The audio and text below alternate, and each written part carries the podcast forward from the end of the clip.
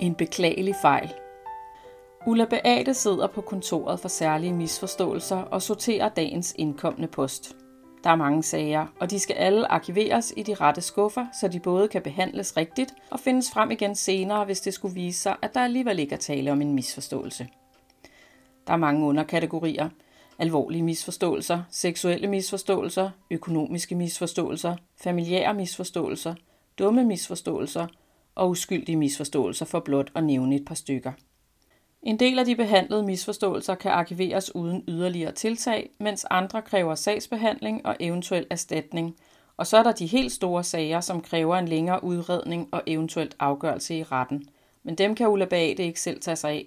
Dem sender hun videre i systemet. Det er heldigvis længe siden, der har været sådan en sag.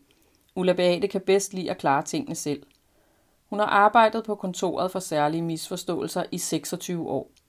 Hun er god til sit arbejde – hun er sirlig og omhyggelig og sørger altid for at dobbelttjekke sine arkiveringer, så der ikke opstår fejl og, Gud forbyde det, misforståelser. Når Ulla Beate tager fat på en ny sag, læser hun altid alle akter grundigt igennem og sætter sig ind i sagens elementer. Hun læser de impliceredes beskrivelser af hændelsesforløbet og begynder med at vurdere sagen. Er der tale om en simpel misforståelse, eller er sagen mere kompliceret? Herefter placerer hun den i den rette kategori og underkategori. Der er meget ofte tale om helt banale sager i kategorien seksuelle misforståelser, som igen kan inddeles i forskellige underkategorier.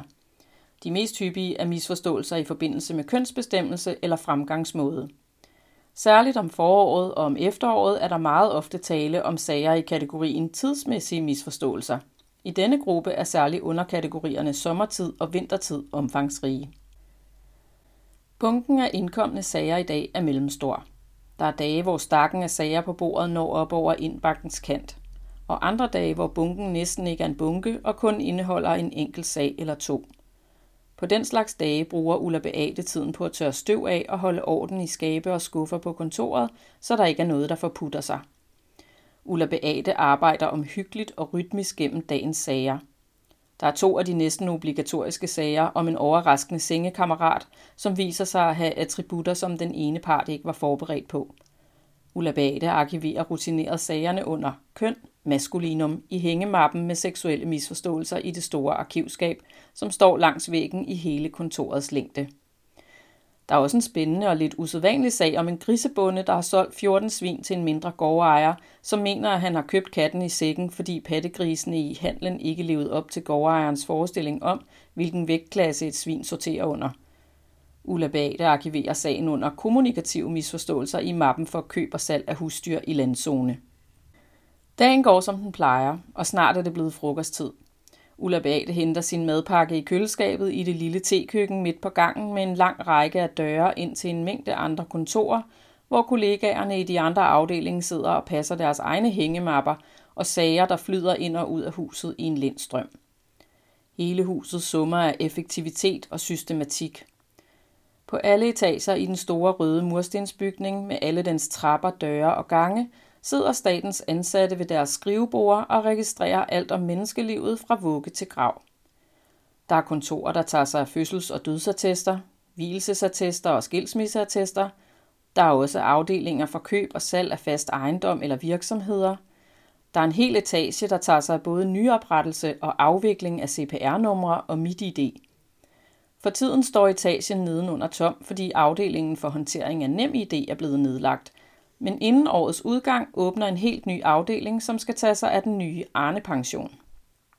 Ulla Beate kender bygningen ud og ind. Hun har været ansat i afdelingen for misforståelser, siden den åbnede i 1997. Dengang var de 13 ansatte i afdelingen og havde kontorer på anden sal. Siden da har Ulla Beate flyttet kontor mange gange. Faktisk flere gange, end hun kan huske – Gennem årene har hun sagt farvel til mange kolleger, der er gået på pension, på barsel eller har fået nyt job. En enkelt kollega blev fyret, fordi hun brugte sin viden om folks misforståelser i kategorien pinlige forhold til egen vinding, og den slags er strengt forbudt, når man er ansat på kontoret for særlige misforståelser.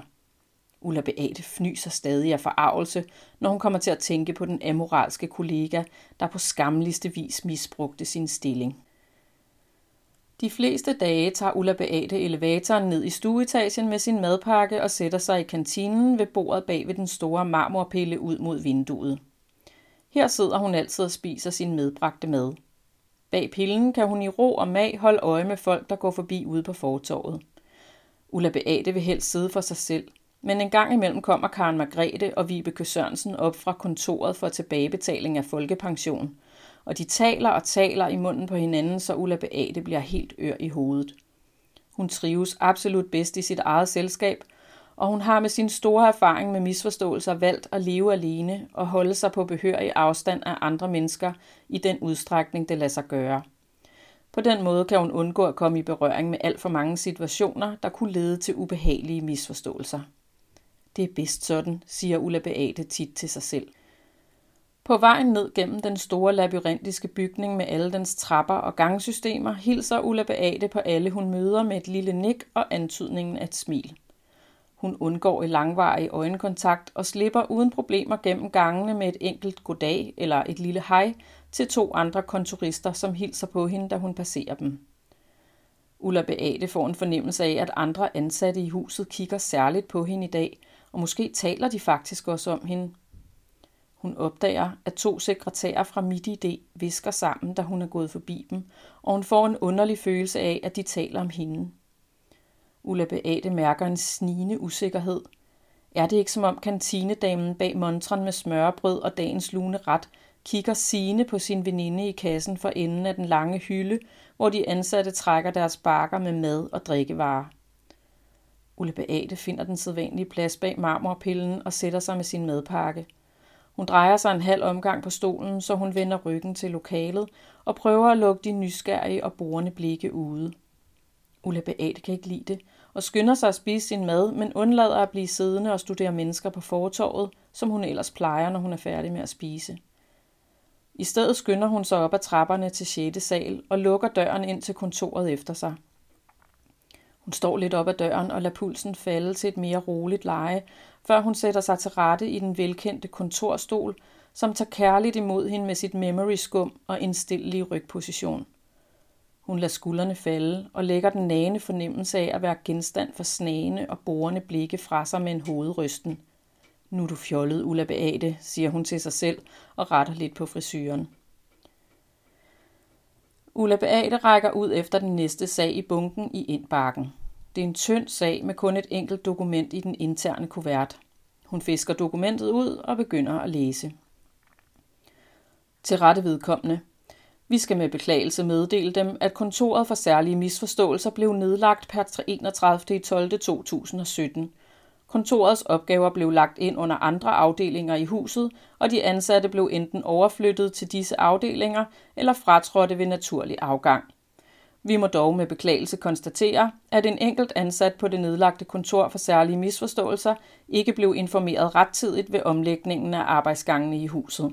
De bedes videreformidle denne oplysning til den omtalte ansatte Ulla Beate Andersen og bede hende aflevere det udleverede nøglekort i receptionen, inden hun forlader bygningen. Vi beder dem ligeledes sørge for tilbagebetaling af den for meget udbetalte løn til nedenstående kontonummer. Det drejer sig om udbetalt månedsløn samt feriepenge fra 1. i 1. 2018 til dags dato. Vi kan tilbyde en afdragsordning ved henvendelse til lønkontoret. Vi beklager misforståelsen og beder dem venligst arkivere indeværende skrivelse på rette sted, inden de forlader kontoret. Med venlig hilsen, administrationen. Ulla Beate stiger på dokumentet og rækker automatisk ud efter datostemplet på stempelpuden ved siden af indbakken. Mekanisk stempler hun datoen på dokumentet i øverste højre hjørne, før hun rejser sig og trækker en skuffe ud af arkivskabet bag sig.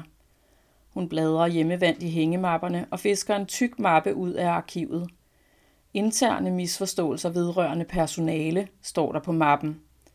Hun åbner mappen og lægger dokumentet ind i den, før hun hænger den tilbage i skabet og dobbelttjekker, at den hænger på det rigtige sted. Hun står lidt foran det lange arkivskab som i tanker, før hun lukker skuffen, der glider i med et metallisk klik.